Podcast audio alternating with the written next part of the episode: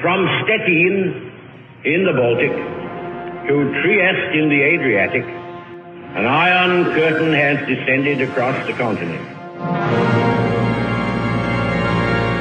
Robeža starp austrumiem un rietumiem, starp padomju totalitārisma un brīvo pasauli. Dzels priekškars. Pirms 80 gadiem tas nolaidās pār mūsu reģionu, pirms 30 gadiem tas krita. They rushed over to us and said, Well, 10 minutes before the wall came down at Bornholmer Straße. Un tomēr dzelzs priekškars joprojām met savu ēnu mūsu šodienā. Mūsu reģiona valstu vēsture augstā kara laikmetā un pēc padomju totalitārisma sabrukuma raidījumu ciklā Dzelzs priekškara ēnā.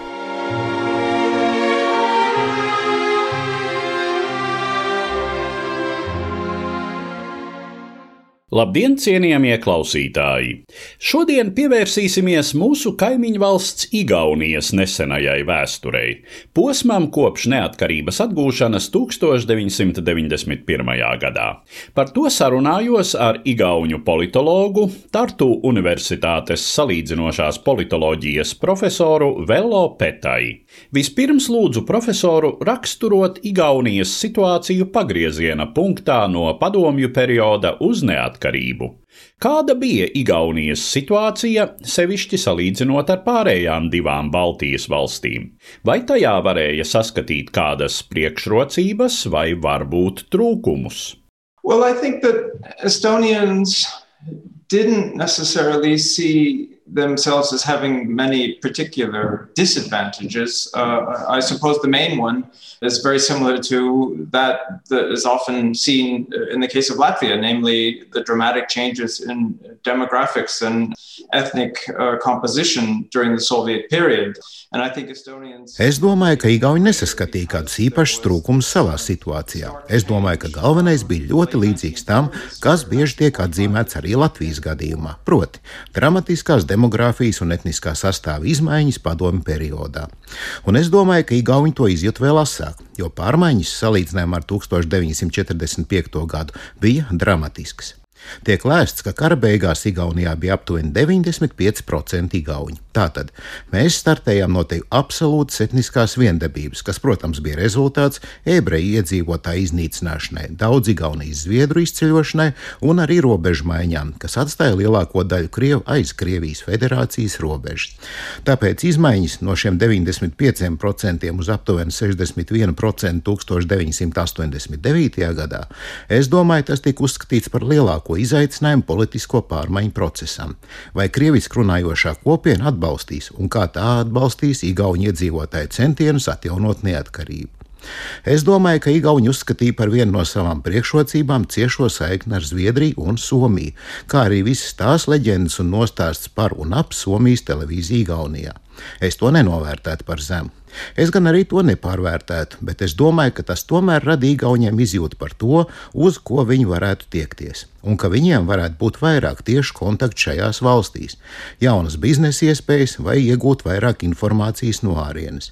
Tāpēc es domāju, ka 80. gadu beigās, kad Gorbačovs pārņēma varu un sākās perestroika, šajā ziņā bija izjūta gan par trūkumiem, gan priekšrocībām. Runājot par krievu minoritāti un it īpaši krievu minoritāti Igaunijas ziemeļaustrumos, Narvas rajonā, tā patiesībā bija visai bīstama situācija, kādas īsti nebija pat Latvijā, kur krievu minoritāte gan procentuāli bija vēl lielāka, taču tai nav neviena tik kompakti apdzīvota reģiona. Es pat biju laimīgi aizmirsis, ka 1993. gadā notika referenduma mēģinājums par Nārvas reģiona autonomiju. Vai jūs neraksturotu pamatīgāk citautiešu integrācijas procesu un attiecību veidošanos starp citautiešiem un Igaunijas valsti? Yes, I mean, you're very right to point out that the overall demographic situation between the two countries was very similar, and yet Estonia had then the added element, if you would, of the partial concentration of that population, of that minority population uh, in the northeast of the country. Um, and that means not only a kind of strong regionalism to the whole question of ethnic relations, but also a potential secessionist movement and the concerns that part of this area could just simply try to break away um, from Estonia and join the Russian Federation. Uh, the, the is, uh, mainly... Jūs ļoti pareizi norādāt, ka kopējā demogrāfiskā situācija abās valstīs bija ļoti līdzīga. Un tomēr Igaunijā bija šis papildu elements, ja vēlaties, minētā minoritātes iedzīvotāju daļai koncentrācija valsts ziemeļaustrumos. Un tas nozīmē ne tikai savu veidu spēcīgu reģionālismu visā etnisko attiecību jautājumā, bet arī potenciālu secesionismu kustību un bažas, ka daļa šīs teritorijas varētu vienkārši mēģināt atdalīties no Igaunijas un pievienoties Krievijas federācijai. Citautiešu koncentrācija arī minētajā reģionā, protams, galvenokārt bija pilsētās - Narvā, Kotlejārvē, Jehvi, Silamē, Lauka apvidos arī tur galvenokārt ir igauņu iedzīvotāji, tāpēc reāli šo teritoriju pievienošana Krievijas federācijai tik vienkārši viss nebūtu iespējams. Tomēr 1990. un 91. gadā visā Padomju Savienībā radās vairāk šāda veida dalīšanās kustību gadījumu. Es atceros, ka Igaunijā visai bažīgi vēroja situāciju Moldovā, Piedņestras rajonā, un bija bažas, vai Igaunijā nevarētu notikt kas līdzīgs. Tā ka šis jautājums pastāvēja jau pirms neatkarības atjaunošanas un palika dienas kārtībā arī pēc tam, it sevišķi sāsinoties tieši 1993. gadā, kad Igaunija sāk pieņemt noteiktus tiesību aktus, lai regulētu Igaunijā palikušo padomu pilsoņu, kā arī nepilsoņu bezvalstnieku statusu. Tos tiesību aktus, kas sākotnēji tika ierosināti 93. gada sākumā, kritizēja arī Eiropas Padoma un citas organizācijas. Un kad Igaunijas valdība un parlaments turpināja pieņemt dažus no pretrunīgi vērtētajiem tiesību aktiem, tas noveda pie krīzes sāsinājuma, kad citautiešu līderi Ziemeļaustrumos mēģināja organizēt šos referendumus Narvā un Sillamē. Tas lika iejaukties Eiropas drošības un sadarbības organizācijas augstajam komisāram nacionālo minoritāšu jautājumos, kas bija jaunizveidots amats. Komisārs Maks Vanders Tūls vairākas reizes ieradās Igaunijā, lai tiktos ar dažādām pusēm, arī ar dažiem citautiešu līderiem Igaunijas ziemeļaustrumos, un galu galā viņi panāca vienošanos. Igaunijas jaunā konstitucionālā tiesa pasludināja referendumus par antikonstitucionāliem, taču apmaiņā pret to Igaunijas valdība piekrita pārskatīt tiesību aktus un tika veiktas zināmas izmaiņas. Tā šī situācija tika atrisināta, un kopš tā laika šis jautājums vairs nav uzpeldējis. Protams, ziemeļaustrumu rajona integrācija nav bijusi ideāla. Reģionis joprojām ir ļoti atkarīgs no degslānekļa iegūs un dažām ražošanas nozarēm, kas ir smagi cietušas no pārejas uz brīvo tirgu un starptautiskās konkurences apstākļiem. Neskatoties uz to, minētais secesionismu noskaņojums ir zudis. Jo īpaši tāpēc, ka Igaunija ekonomiski kopumā ir bijusi veiksmīgāka nekā Krievija, un, ja skatās pāri Narvas upei, tad pat tie, kas ir krievi izcelsmes vai runā krieviski, neizjūt īpašu vilinājumu kļūt par Krievijas daļu. Runājot par Igaunijas attīstību, it īpaši 90. gados, tā tomēr bija acīm redzami nedaudz veiksmīgāka nekā Latvijai. Mēs mēdzam šai ziņā uzsvērt Somijas pozitīvo lomu. Cik lielā mērā mēs varam teikt, ka Igaunija peld Somijas ķīļūdenī? Well, I think that uh, the effect of, of, Finland is coupled with that also of Sweden. But of course, uh, Finland, through the television and the linguistic proximity, uh, means that Estonians had already been learning Finnish, that had, of course, been working with Finnish visitors, Finnish tourists. Es domāju, ka Somijas efektu papildina arī Zviedrijas efekts. Bet, protams, Somija caur televīziju un valodu radniecību nodrošināja to, ka Igauni jau pirms neatkarības atgūšanas zināja somu valodu, bija saskarsmē ar somu viesiem, somu turistiem. Ik viens, kurš šodien apmeklē Tallinu, zina, par ko es runāju. Un šāda veida miedarbība, manuprāt, patiešām radīja labāku izpratni par pasaulē notiekošo, sevišķi ļaudīm Igaunijas ziemeļos, kur skatījās šo somu televīziju. Viņi bija arī gatavāki sadarbībai ar Somiju, jauniem projektiem, jauniem uzņēmumiem, jaunām aktivitātēm, integrācijai. Es nedomāju, ka Igaunija pieņēma kaut kādu īpašu somu modeli vai tiecis kļūt par tādu Somijas mazo brālēnu un patvērties zem tās spārna. Es domāju, ka tas bija tikai viens no kanāliem, kur izmantojot varēja gūt vairāk. Pirmajos piecos desmit neatkarības gados Igaunija izveidoja kontakts ar daudzām valstīm, ar citām Ziemeļvalstīm, ar Vāciju, arī ar Lielbritāniju un vēl dažām citām. Bet starp Somijas un Igaunijas valdībām, kā zināms, pastāv īpašs un sevišķi tuvas saites. Tradicionāli Igaunijas premjerministrs, kad viņu apstiprina amatā, savā pirmajā ārvalstu vizītē dodas tieši uz Somiju, kam, protams, tūdaļai seko arī tradicionāla vizīte Latvijā. Bet citādā ziņā tā nav tikai divpusēja alianse. Tā ir daļa no Igaunijas plašākas sabiedroto un draudzīgo attiecību politikas Eiropā un citur. Latvijā pastāv arī priekšstats, ka Igaunija 90. gados bija konsekventāka, atbrīvojoties no padomju pagātnes, tai skaitā ātrāk nomainot padomju laika profesionāļus spēka struktūrās, valsts pārvaldē un tā tālāk. Cik tas atbilst patiesībai? It's partially right. I mean, certainly the fact that a strong center right government took power in 1992, which also rhetorically had a very strong promise to clean the decks and change Estonia. Es domāju, daļai tā ir patiesība. Sevišķi, manuprāt, tas, ka kopš 1992. gada pie varas bija spēcīga labēja centriska valdība, kura arī retorikas līmenī nāca ar spēcīgu solījumu, tā sacīt, izmēst staļļus, mainīt Igauniju. Es domāju, tam arī bija liels iespējas. Es nedomāju, ka kāds jebkad ir veicis konkrēts un formāls elites situācijas pētījums par to, kāda konkrētā laika posmā bija personāla nomaiņa konkrētās ministrijās. Tāpēc šai ziņā es domāju, iespējas ir vairāk retorikā nekā konkrētajā situācijā balstīts. Man nav zinām tādi fakti, ka desmitiem ministru ierēģi būtu tikuši vienā paņēmienā izmest uz ielas. Turklāt ir vērts paturēt prātā, ka salīdzinoši Igaunijā faktiski nebija ļoti stingri ierobežojošu likumu bijušajiem komunistiem vai bijušajiem VDK aģentiem vai arī citiem padomju režīmu darboņiem. Pārmaiņu likumdošana, kā tā tiek dēvēta, likumi, kas tieši attiecas uz atbrīvošanos no bijušā režīma aģentiem un operatīvajiem darbiniekiem, Igaunijā bija samērā maigi. Salīdzinājumam mums nebija tāda likuma kā Latvijai par vēlēšanu sarakstu pārbaudi, atsijājot tos, kur ir tā saucamajos čekas maisos. Un jāpiebilst, ka mums arī nebija tāda čekas maisu. Jautājums tik ļoti lielā mērā risināts ar tādu godavārdu sistēmu, ka cilvēki vienkārši deklarēja, vai ir vai nav piedalījušies represijās, un pat ja viņi bija šai deklarācijā melojuši, sankcijas bija ļoti pieticīgas. Tāpēc es domāju, galvenā bija politiskās ievirzes un tēla maiņa, kas ļoti spilgti un noteikti notika līdz ar šo Marta Lāra valdību 1992. gadā. Tātad, pat ja nenotika personāla nomaiņa ministrijās, tik nepārprotam noteikts tonis tam, kas jādara. Un to, protams, pastiprināja pirmais prezidents Lenards Meri, kurš pats arī ļoti lielā mērā iemiesoja jaunu laikmetu, ja arī negluži jauno paudzi, jo tajā laikā viņš jau bija diezgan gados. Tas viss bija būtiski šajā sākotnējā izrāvienā prom no padomju mantojuma. Rezumējot līdz šim sacīto, kas ir pamatā tam, ka Igaunija bija nedaudz priekšā pārējām divām Baltijas valstīm virzībā uz Eiropas Savienību? I think that over the last 30 years, you know, all three of the Baltic states have actually developed, and, and if you compare these individual economic indicators, then it really is uh, an equal race between you know who's ahead in terms of GDP per capita or who's. Es domāju, ka pēdējo 30 gadu laikā visas trīs Baltijas valstis ir attīstījušās, un, ja salīdzināt šos individuālos ekonomiskos rādītājus, tad tā tiešām ir sacīks starp līdzvērtīgiem spēlētājiem.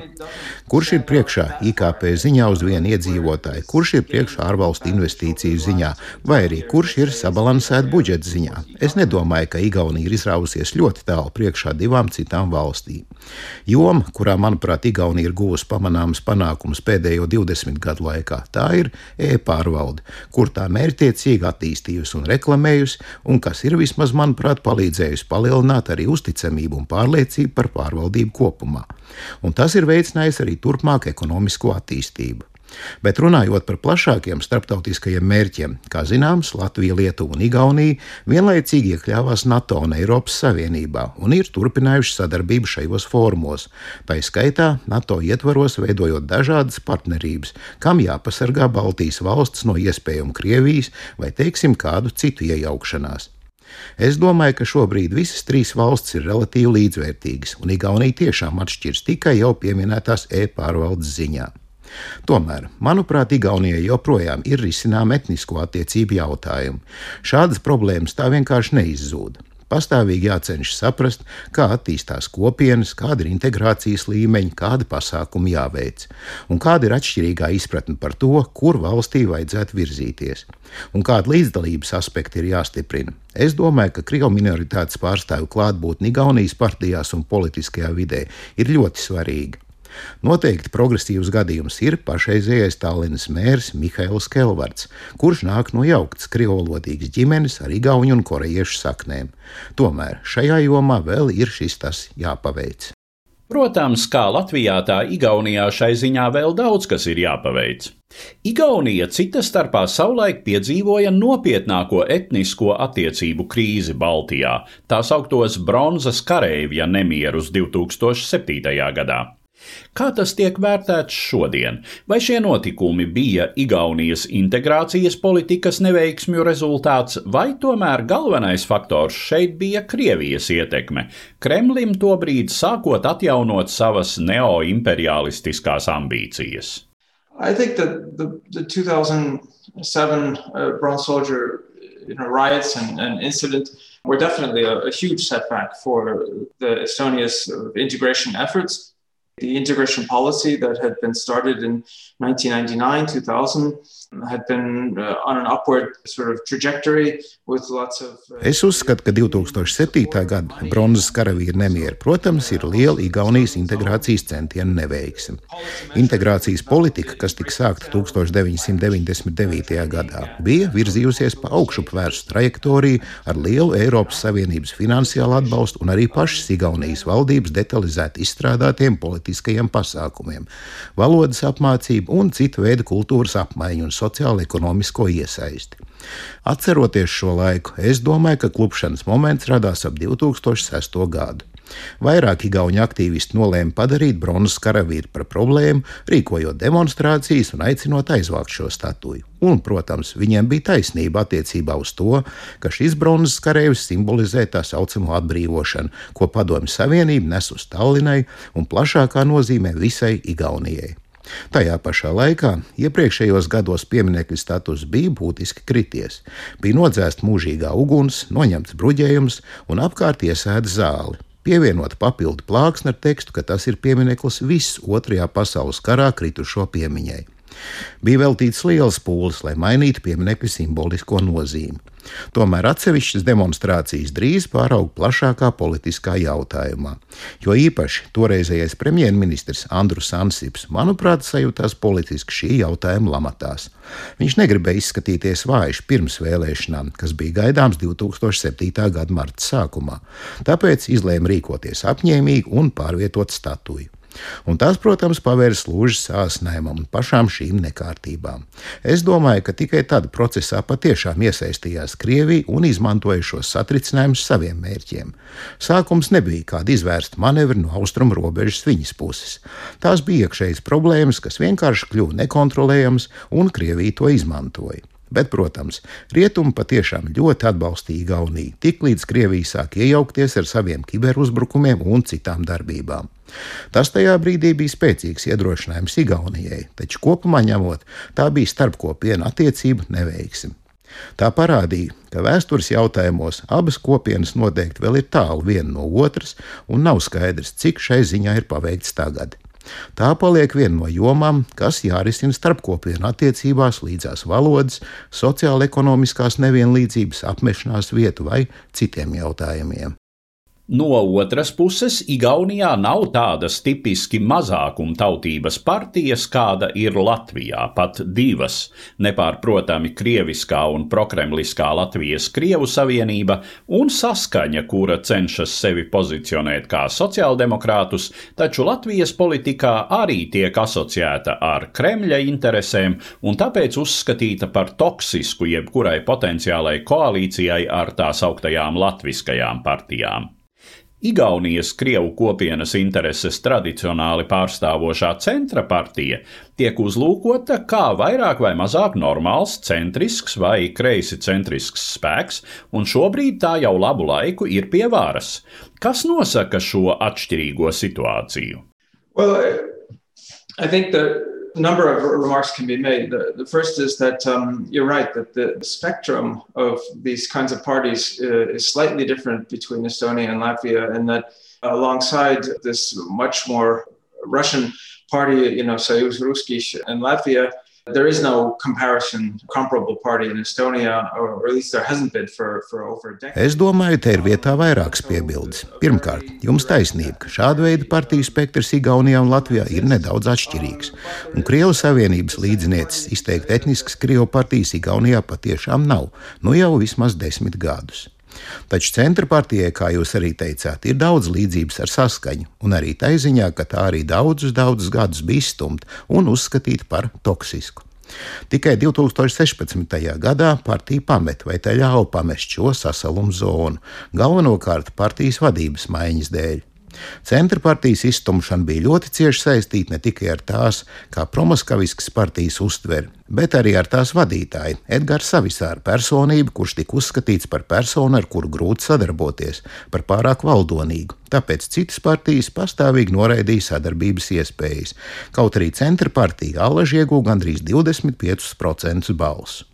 Tā bija ļoti strikta situācija, ļoti līdzīga tai, kas joprojām ir Latvijā, kad visas pārējās partijas pastāvīgi ir spiestas veidot jebkādas koalīcijas, lai tikai nebūtu jebkādā veidā jārunā ar centra partiju. Bija daži izlaicīgi izņēmumi, bet pamatā centra partija bija nostumta malā. Tad savisārs aizgāja no amata, vai drīzāk tika aizraidīts. Nāca gados jaunāks vadītājs, un tas pēkšņi padarīja centra partiju pārējām par pieņemamu. Faktiski notika pat stīvēšanās, kurš sadarbosies ar centra partiju un kopīgi ar to veidos valdību. Tagad centra partija jau vairāk nekā trīs gadus vada valdību un ir pierādījusi, ka tā spēja normāli pārvaldīt valsti. Tā gan joprojām saglabā lielu daļu savas elektorāta bāzes Krievu kopienā un spēlē arī tādu mazliet delikātu spēli attiecībā uz to, kādas ir tās attiecības ar Maskavu un Putina partiju vienotā Krievija. Tāpat kā Latvijā, ir strīdi par to, vai partijai drīkst būt vienošanās ar vienoto Krieviju, vai arī tā ir formāli jālauž. Kas vēl, manuprāt, ir svarīgi centra partijas sakarā un kas to atšķir no saskaņas Latvijā, ir tas, ka centra partijas vadībā tomēr vienmēr ir dominējuši etniskie igauņi. Jiri Ratas, Kadris Simpsoni, Mailis Reps un citu viņu līderi nāk pamatā no igauņu kopienas. Man tā savā ziņā atgādina saskaņu taislaikos, kad to vadīja Jānis Jurkāns. Tās tēls ir pamatā Igaunijas partija ar būtisku izpratni par integrāciju un minoritātes pārstāvjiem. Tas arī ir centra partijas panākuma pamats, un arī pamats daudz minoritātes pārstāvju apmierinātībai ar situāciju, jo viņi var taisīt karjeru un sevišķi jau pilsētu pārvaldē, ieņemt pašvaldību vadītāju amatus, reizums pat ministru, partijas ģenerālsekretāru un tam līdzīgus nacionālā līmeņa amatus. Tā kā tas ir arī veiksmīgs integrācijas līdzeklis.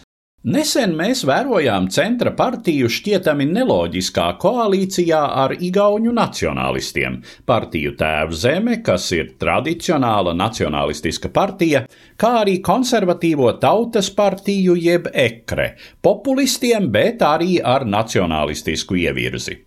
Pie tam centra partijas citautiešu vēlētājiem tas acīm redzot nešķita kas nepieņemams. Pieļauju, ka ekre populistiskā pieeja, kas orientējas uz tradicionālajām ģimenes vērtībām, geju un lesbiešu tiesību noliekšanu, nepatiku pret ne-eiropiešu migrantiem, ir tuvāka vidusmēra Igaunijas krievvalodīgo vēlētāju uztverei nekā reformu partijas klasiskais pro-eiropeiskais liberālisms. Absolutely. A strange symbiosis, if you will, yes, even between the Center Party and ECRE uh, on, on that score. That, that, uh, Russian Tieši tā, un šī dīvainā simbioze starp Centra partiju un ECRE var pastāvēt arī uz tā rēķina, ka Krievu vēlētāji ir par Krieviju, bet arī pret dažām šīm liberālajām nostādnēm. Tāpēc ekre, izmantojot šos morālus un vērtību orientētos jautājumus, ir mēģinājusi piesaistīt arī krievu vēlētājus, pie tām pieklusinot savu agrāko diezgan izteikto pretkrievisko retoriku, kad Igaunijas krievu tik pastāvīgi dēvēt par piekto kolonu. Iespējams, tas uzrunās dažus no šiem vēlētājiem līdz nākamajām vēlēšanām. Pagaidām gan aptaujas nerāda ekra popularitātes kāpumu. Viņi paliek vairāk vai mazāk stabili ar apmēram 16 līdz 18% balsu, kas viņam bija arī pēdējās vēlēšanās. Ne Covid krīze, ne šī koalīcija nav viņiem devusi liels reitingu iegūmus, taču arī zaudējuši viņi nav. Runājot par Igaunijas sabiedrības ekonomisko attīstību, kādi ir tās galvenie vektori pēdējo 30 gadu laikā un kas šajā attīstībā nosaka nākotnes tendences? Estonia certainly had a strong you know, economic uh, transformation over the last 30 years. as a small economy, of course, it's it's tried to be as open as possible, as flexible as possible. This has led uh, the country to go up and down several times quite drastically. We also know in Latvia and Lithuania, certainly during the. Pēdējo 30 gadu laikā Igaunija ir veikusi ļoti nozīmīgu ekonomikas pārveidi. Kā maza ekonomika, protams, tā centusies būt pēc iespējas atvērta, pēc iespējas elastīga, un tas ir licis valstī piedzīvot vairākus diezgan straujus kāpumus un kritumus, it sevišķi tāpat kā Latvijai un Lietuvai 2009. un 2010. gada finanšu krīzes laikā. Un šādi satricinājumi ir visai iespējami arī nākotnē, ja pārējā pasaule piedzīvos lejupslīdi. Tajā pašā laikā tā ir pastāvīga cīņa, lai atrastu noteiktas nišas ar vien globalizētākajā pasaulē. Igaunijai tas ir līdz kļūt ar vien finansializētākai un, kā norāda ekonomisti, ar vien vairāk balstīties dažādu finanšu pakalpojumu pozīcijās, krītoties rūpnieciskās ražošanas un jo sevišķi lauksaimniecības īpatsvaram. Šīs tendences paredzams turpināsies. Tas nozīmē, ka mums ir jābalsta viedekonomika, izmantojot šos e-pārvaldes risinājumus, citus tīmeklī balstītus risinājumus, kas mums ļaus palikt pievilcīgiem ārvalstu investīcijām. Un tas, protams, ir arī izaicinājums izglītības sistēmai. Tai pastāvīgi jābūt pietiekami augstā līmenī, lai dotu tos prātus, kuri varēs radīt jaunus Skype un transfervaizus un nodrošināt Eiropas Savienības institūcijām nākotnē nepieciešamos pakalpojumus. Šīs medaļas otra puse ir Igaunijas radikālas globalizācijas iespēja, importējot lielu skaitu tehnisko darbinieku un speciālistu. Par to tiek diezgan daudz runāts, taču tā, protams, joprojām ir pretrunīgi vērtēta izvēle, ievērojot Igaunijas mazo izmēru un bažas, ka to varētu pārpludināt sveši elementi. Tātad tas visticamāk nenotiks. Tomēr ir ļoti jūtams, ka Igaunija ir sasniegusi punktu, kad mēs gribētu turpināt strauju attīstību šādā virzienā. Taču cena, kas par to būtu maksājama, plaša IT speciālistu un citu darbinieku imigrācija, šķiet diezgan biedējoša. Tātad tā ir Igaunijas attīstības dilemma nākamajiem 10-15 gadiem. Un kādas, jūsuprāt, nākamajos 10-15 gados būs Igaunijas politikas galvenās aktualitātes?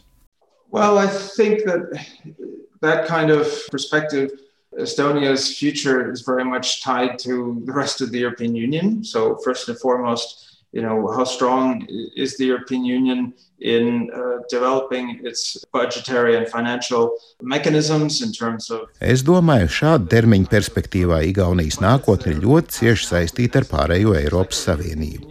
Tātad, pirmkārt un galvenokārt, cik spēcīga būs Eiropas Savienība, būvējot savus budžetu un finanšu mehānismus nākamajam finanšu ciklam un visu ar tiem saistīto savstarpējā atbalsta un savstarpējās integrācijas sistēmu.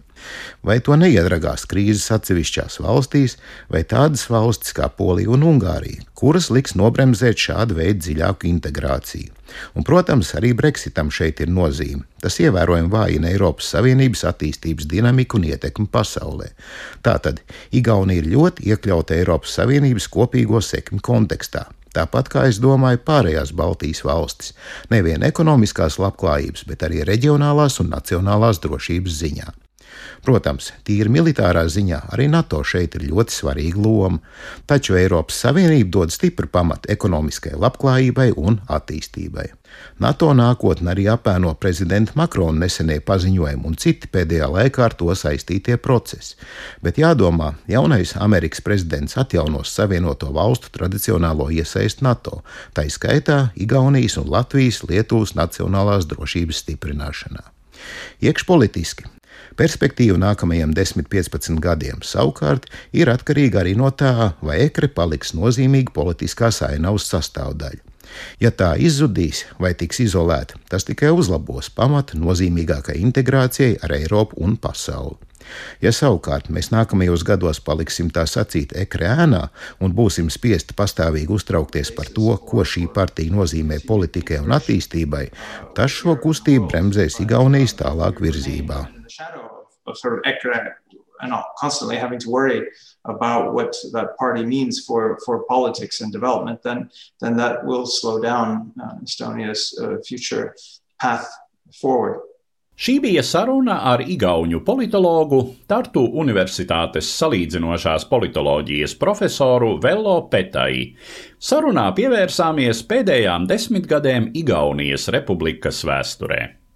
Uz redzēšanos nākamajos cikla dzelzs priekškara ēnā raidījumos.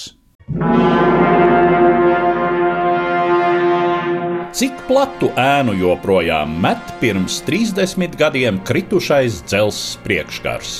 Mūsu reģiona valstu vēsture padomju totalitārisma periodā un pēc šīs sistēmas sabrukuma - raidījumu ciklā Dzelzs priekškara ēnā katra mēneša pēdējā trešdienā pēc pulksten trijiem pēcpusdienā Latvijas Radio 1.